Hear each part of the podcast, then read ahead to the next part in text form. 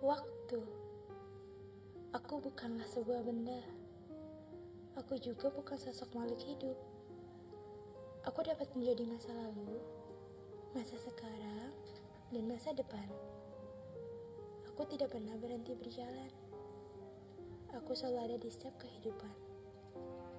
Namun, tidak semua bisa memanfaatkan aku.